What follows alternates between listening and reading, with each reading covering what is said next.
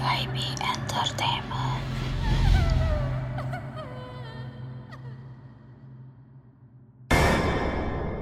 dan tergesa-gesa menuju arah pos, saya melewati sebuah pohon yang cukup rindang dan lagi-lagi saya melihat sosok tersebut duduk di pohon sambil menggoyang-goyangkan kakinya dan tertawa melihat ke arah saya. Mungkin tertawa melihat saya melakukan tindakan yang cukup dianggap pengecut ya. Saya mikir, siapa pun kalau ngelihat itu mah tuh takut, apalagi sambil diketawain.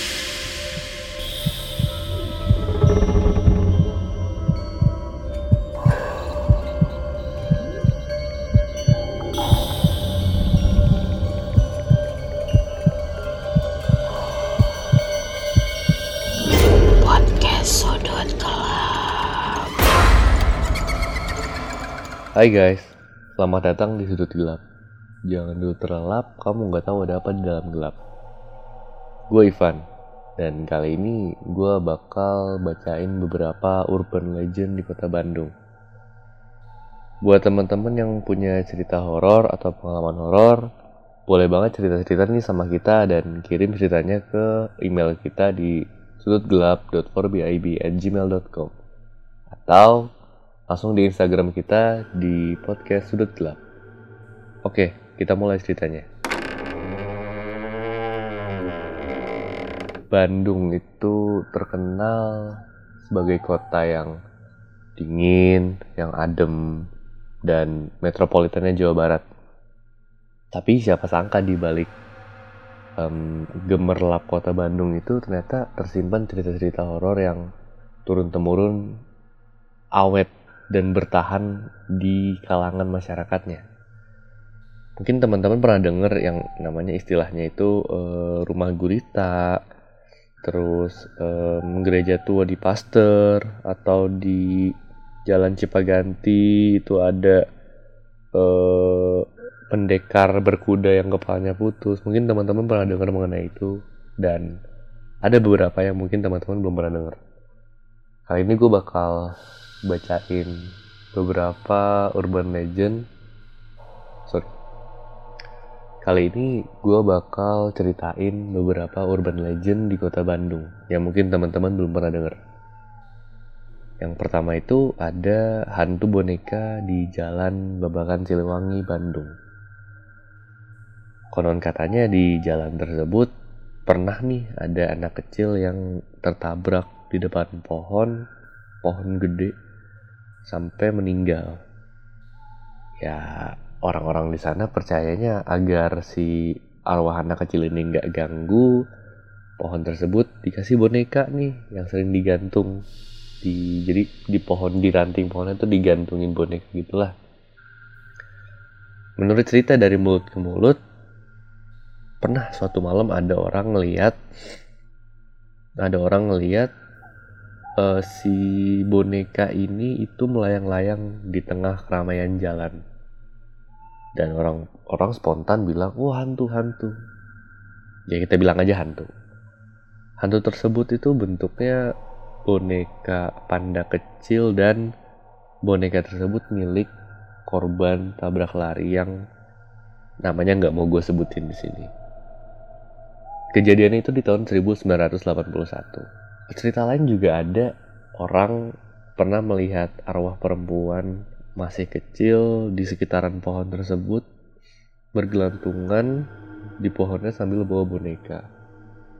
Ya mungkin buat teman-teman yang rumahnya di Jalan Babakan Siliwangi boleh banget nih kalau misalkan tertarik dan kepo.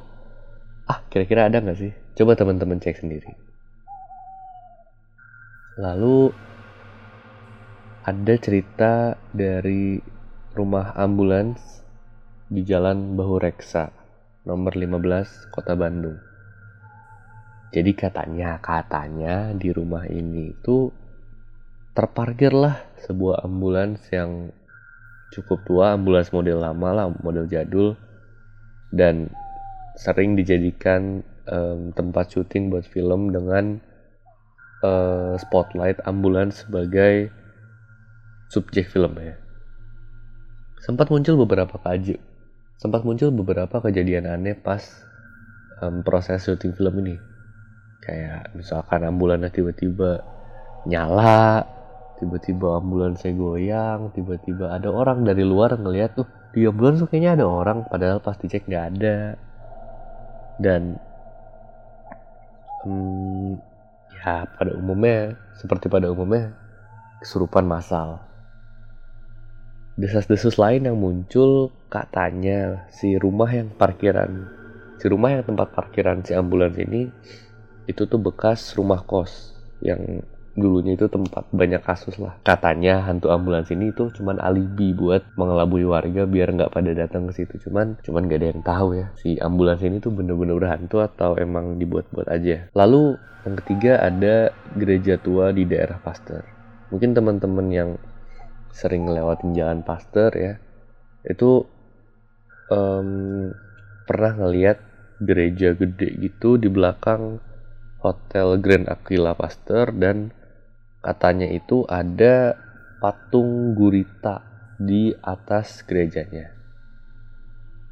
Katanya gereja ini bukan gereja untuk kegiatan kegiatan-kegiatan normal, melainkan gereja ini adalah gereja penyembah setan atau penganut satanis. Kalau misalkan ditanya horor atau enggak, coba lu bayangin.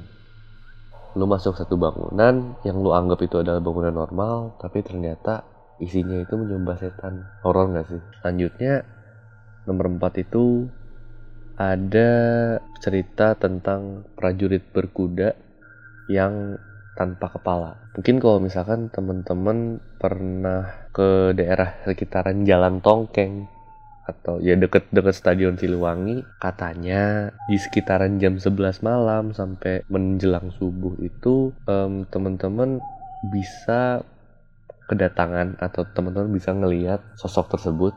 Kalau teman-teman niup fluid katanya. Kalau misalkan teman-teman niup fluid tiba-tiba bakal bakal kedengeran suara kaki kuda yang lagi lari. Ya gue sih nggak pernah nyoba dan gue nggak gue nggak mau nyoba ya karena ya menurut teman-teman gue yang udah pernah nyobain walaupun mereka nggak ngelihat sosok ada suara kaki kuda kecil kedengerannya cuman kedengeran lah kayak misalkan lu di satu tempat dan suaranya di tempat jauh kan masih kedengeran ya. Selanjutnya itu nomor 5 itu ada bekas kolam renang di Bandung yang katanya security di sini itu melihat sosok dengan wajah yang hancur dan mata yang warna merah. Jadi kolam renang ini berada di kawasan Gria Bandung Indah dan saat ini udah nggak terpakai atau ditutup secara permanen. Katanya kejadiannya ini tuh di tahun 2017 dan tepatnya itu di hari Minggu pukul 11 malam pas satpam ini kedapatan shift untuk patroli ke arah kolam renang. Lalu katanya sewaktu saya di pos yang di depan kolam renang itu saya mulai memukul-mukul tiang listrik tiga kali buat tanda lah bahwa saya lagi patroli nih ke satpam-satpam yang lain. Lalu pas saya mau berjalan menuju ke arah depan, terus mau muter lagi, kok ada bau yang gak enak buat dicium. Baunya tuh kayak bau melati, tapi baunya amis juga. Karena penasaran, sang satpam ini kemudian memberanikan diri untuk melihat ke arah bau itu berasal. Saya coba jalan, saya coba center, di jendela sebelah kanan, saya lihat ada seperti rambut terurai. Pas saya center ke situ, tiba-tiba hilang, nggak kelihatan. Saya makin penasaran, saya lihat ke samping kanan, samping kiri, pintu masuk yang ada di belakang. Saya lihat, kok seperti kayak ada anak kecil lagi lari.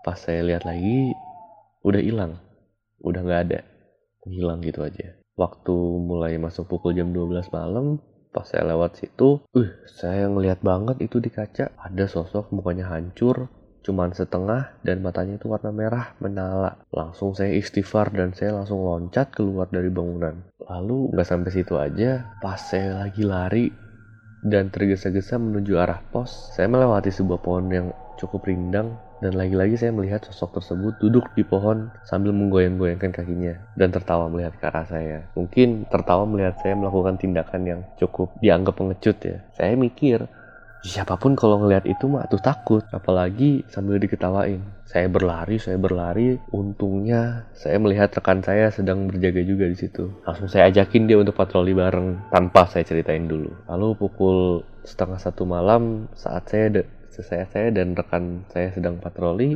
uh, saya mendengar suara tangisan yang sangat sedih lah. Dan ternyata satpam teman saya dan ternyata teman saya ini sudah mengetahui hal-hal mistis di tempat saya menjaga di tempat saya patroli. Yang katanya dulu itu tempat bekas bunuh diri dan sampai sekarang digentayangi tempatnya. Lalu saat waktu mulai menunjukkan hampir masuk waktu subuh saat saya sedang ke warung untuk membeli kopi saya merasakan firasat yang sangat-sangat-sangat tidak enak. Dan saya dan karena saya merasakan perasaan itu saya minta izin untuk pulang terlebih dahulu karena sudah tidak fokus. Dan akhirnya diizinkan. Namun saat perjalanan saya pulang sosok tersebut masih menampakkan dirinya dan mengikuti saya. Dan ternyata sosok tersebut mengikuti saya sampai ke tempat tinggal saya saat saya ingin wudhu dan mengganti pakaian, sosok tersebut ada di lemari saya. Saya pun saat itu pingsan. Dan ternyata saat saya ditemukan, sudah sadar, orang-orang bilang, saya ditemani oleh sosok saat saya pulang ke rumah. Uh, ini baru cerita kelima tapi gue udah, gue udah merinding disco sih ini. Oke, wah, ini serem sih. Teman-teman yang mungkin pengen baca lebih fokus lebih dalam teman-teman bisa langsung aja search di Google Urban Legend Bandung. Dan banyak banget Urban Legend Bandung yang teman-teman bisa baca lah. Lalu selanjutnya ada Museum Pos Indonesia di Jalan Cilaki. Museum ini punya bangunan khas Belanda ya. Dan katanya pengunjung-pengunjung di sini sering merasa kayak diperhatiin sama patung-patung di museum tersebut.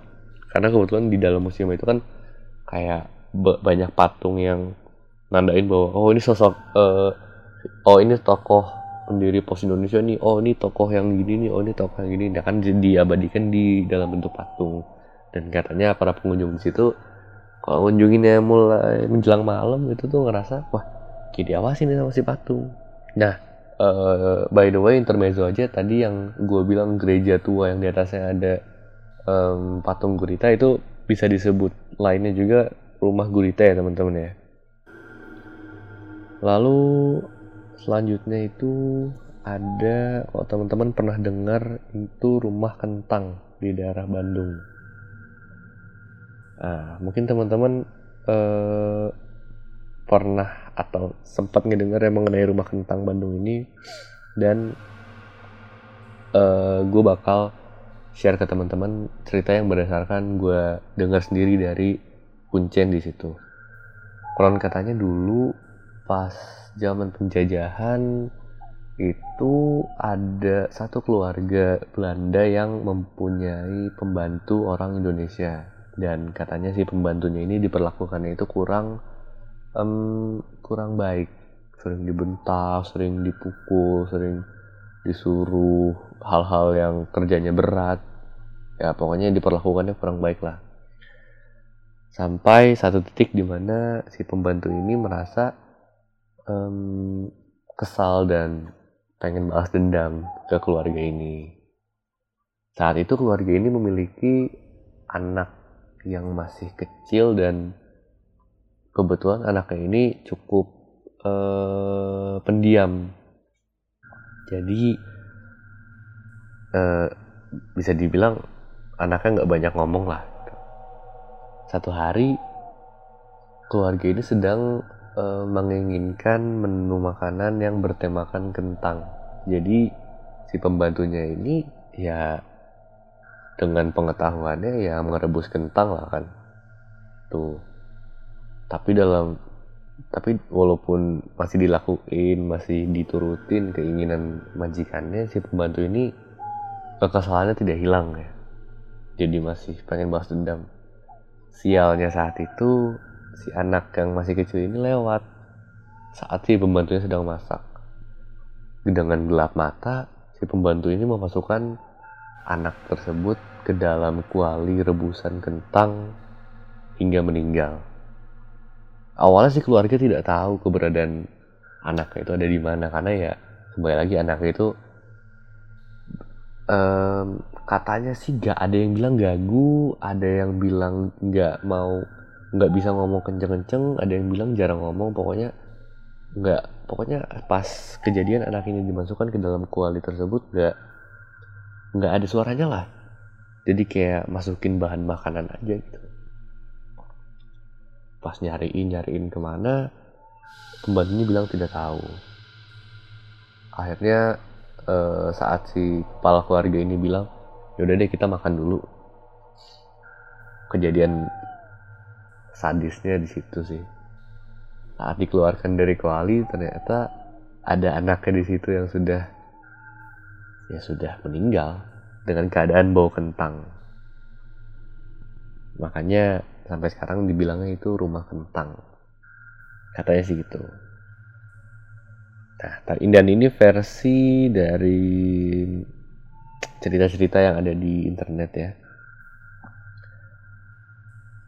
katanya itu aroma kentang ini tercium eh, biasanya itu di malam hari dan mitosnya si anak ini ternyata tidak sengaja jatuh dari gendongan ibunya ke dalam kuali yang dipakai untuk memasak kentang sehingga membuat anaknya itu meninggal. Nah cerita ini yang kemudian eh, diyakini oleh masyarakat sekitar kenapa sering ada si bau sering ada atau sering muncul bau kentang di rumah ini. Lalu eh, ada seorang wanita yang membuat postingan di blog pribadi miliknya yang membantah kabar-kabar yang beredar seputar aroma kentang yang selama ini berkembang. Katanya selama 16 tahun dia udah tinggal di rumahnya yang merupakan uh, tetangga dari si rumah kentang ini. Dan katanya dia nggak pernah tuh sekalipun mencium aroma kentang dari rumah tersebut. Tapi uh, itu kan menurut satu orang. Dan cerita-cerita ini tuh berasal dari banyak orang ya jadi terserah uh, teman-teman mau percaya yang mana atau teman-teman mau buktiin sendiri datang ke dekat rumah kentang di Bandung malam-malam apakah teman-teman mencium atau enggak? Selain mencium bebauan seperti kentang katanya orang-orang yang melintas di depan rumah itu pada malam hari juga kadang melihat penampakan anak laki-laki di dekat rumah tersebut. Walaupun begitu si tetangga ini bilang oh saya nggak pernah tuh ngelihat ada penampakan kayak gitu nggak lama setelah bilang kayak gitu dia menulis lagi di blognya. Katanya, saya pernah dimimpiin, didatengin oleh seorang anak, eh, anak keturunan Belanda yang usianya masih, apa ya, masih kecil, dan memberikan isyarat. Katanya dia itu nunggu dari teras buat main. Waduh, gue merinding banget. Udah gue merinding banget sampai pipi-pipi ini gue merinding. Dan keadaan rumah kentang saat ini, kalau teman-teman mau tahu, itu tuh saat ini angker dan yang nggak ada penghuninya gitu. Walaupun masih banyak barang-barang di dalamnya masih banyak perkakas rumah tangga di dalamnya cuman udah ya udah nggak layak aja udah nggak layak pakai dan udah nggak layak ditinggalin. Dari dulu eh, sampai sekarang rumah itu tuh kosong dan nggak nggak nggak di apa ya nggak ada etikat untuk direnovasi atau dipercantik atau sekaligus aja diratakan entah kenapa. Lalu katanya ada juga orang sekitar situ yang pernah melihat um, siluman anjing jadi-jadian. Katanya uh, si tetangga ini pernah ngeliat uh, sosok anjing di situ lagi main dan uh, mengakui bahwa anjing ini tuh ya normal-normal aja gitu nggak kelihatan sesuatu yang aneh atau gimana. Ya bertingkah seperti layak anjing gitu. Cuman pernah ada pengendara yang lewat di malam hari eh, katanya pas ada pas ngelewatin rumah itu ngelihat ada anjing nih. Cuman anjingnya berdiri pakai kaki belakang dan ngelihat ke arah pengendara tersebut si pengendara tersebut cerita ke tetangga ini namun tetangga ini bilang, oh mungkin bapak itu salah fokus ya, atau nggak konsen. Nah di sini gue nggak tahu nih si tetangga ini cuma nutup nutupin biar si pengendara ini nggak takut, atau emang dia skeptis mengenai penunggu-penunggu di rumah kentang. Dan anehnya sampai detik ini nggak ada yang mau membeli rumah tersebut. Memang sempat ada kabar katanya rumah tersebut mau dijual atau mau dilelang. Namun nggak ada yang mau beli sampai sekarang. Padahal kalau misalkan teman-teman tahu rumah kentang ini letaknya strategis loh di kota Bandung. Dia di tengah-tengah kota Bandung. Dan anehnya sampai sekarang nggak ada yang mau beli. Entah kenapa. Lalu kita ke daerah-daerah kampus di daerah Bandung yang punya cerita-cerita horor. Yang pertama itu ada kampus Institut Teknologi Bandung atau ITB. Katanya tuh di ITB ini salah satu cerita yang paling terkenal itu ya penampakan perempuan bergaun putih berambut panjang yang melayang di antara pepohonan di, di antara pepohonan di Jalan Taman Sari. Jalan Taman Sari itu letak si kampus ITB teman-teman. Jadi kampus ITB itu terletak di Jalan Taman Sari di Bandung. Dan di Jalan Taman Sari ini emang banyak pohon-pohonan tinggi yang ya berderet gitu lah. Jadi kayak bagus gitu di kanan kiri jalan tuh ada pohon. Emang adem. Cuman katanya ada perempuan bergaun putih yang terbang dari antara pohon ke pohon dan penampakan serupa juga dikabarkan muncul nih di atas gedung pusat mm, gedung pusat antar universitas atau PAU yang merupakan tempat mahasiswa dulu yang merupakan tempat seorang mahasiswa dulu pernah mengakhiri hidupnya di situ dengan melompat. Lalu lalu laboratorium-laboratorium di ITB nggak kalah horor nih ada juga kegiatan supranatural. Katanya anak permesinan dan anak arsitek pernah melihat kejadian poltergeist atau benda-benda bergerak sendiri gitu. Kayak mindahin gelas uh, buat uh, gelas buat praktikum, mindahin peralatan-peralatan praktikum. Dan katanya di samping itu Pernah juga ada kabar penampakan tukang soto atau tukang bakso nih yang ngedorong glob yang ngedorong gerobaknya keluar dari lift menuju ruang studio. Gak make sense ya, gak make sense sumpah. Kalau misalkan kita pikirin nih gerobak soto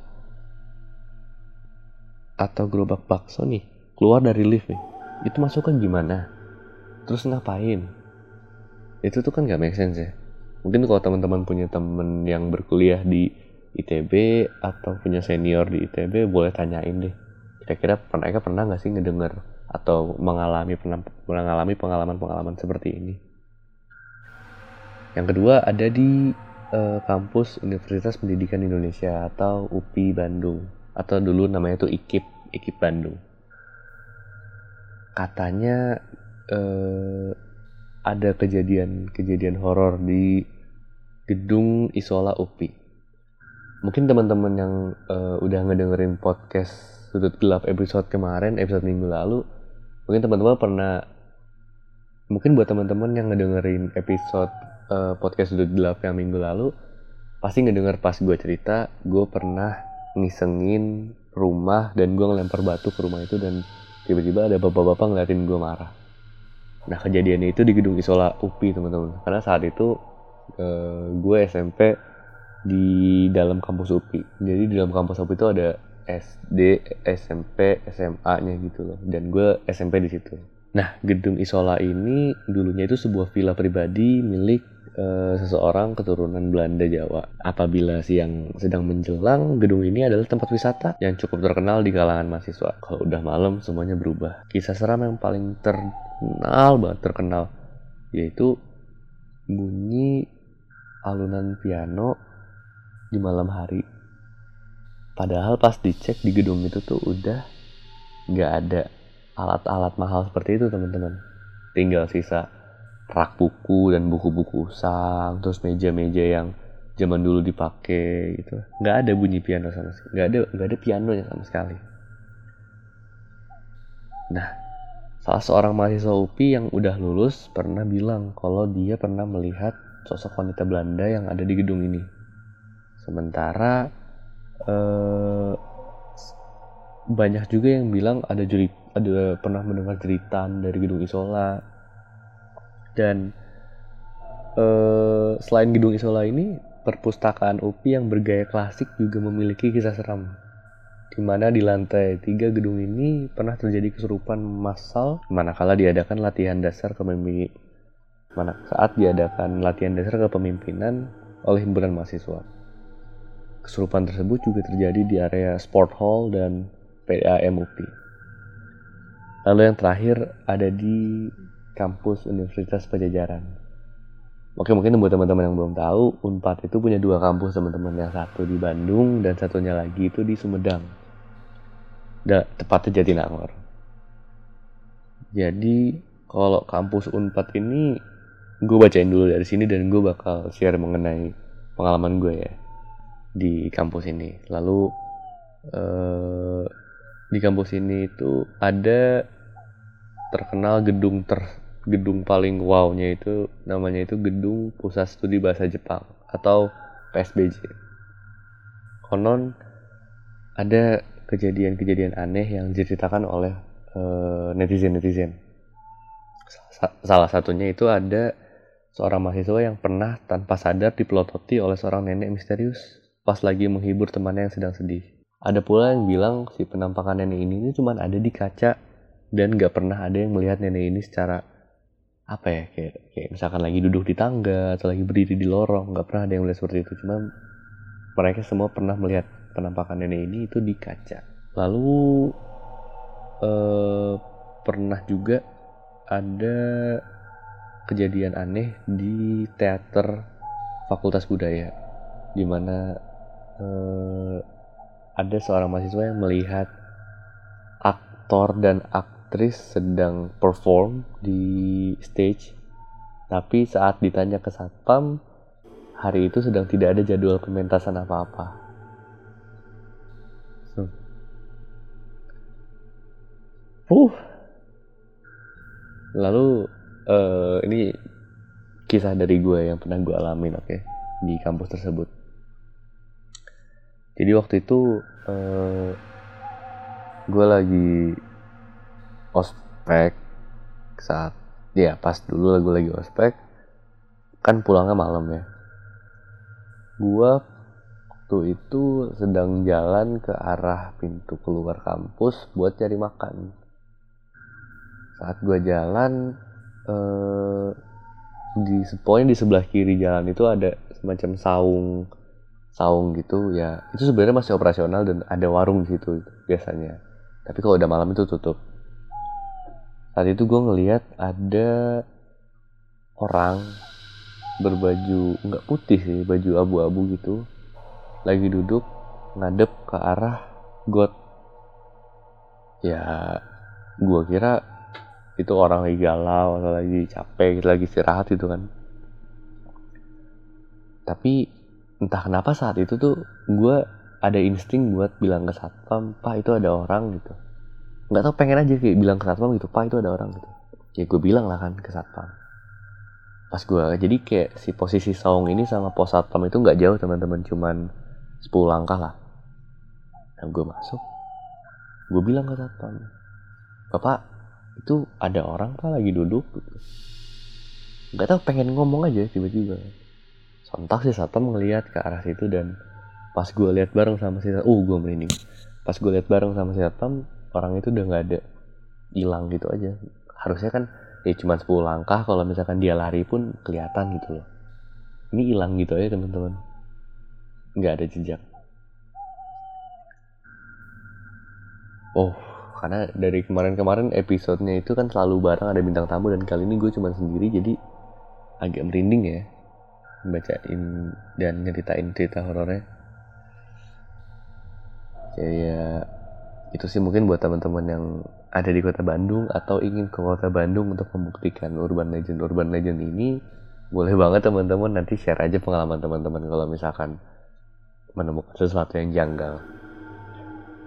Kalau lu ngerasa merinding dengan episode kali ini lu bisa share ke teman-teman lu. Dan jangan lupa juga buat follow Instagram official kita di podcast gelap dan follow podcast sudut gelap di Spotify. Gue Ivan, pamit undur diri. Dan jangan lupa selalu cek sudut ruangan. Bye.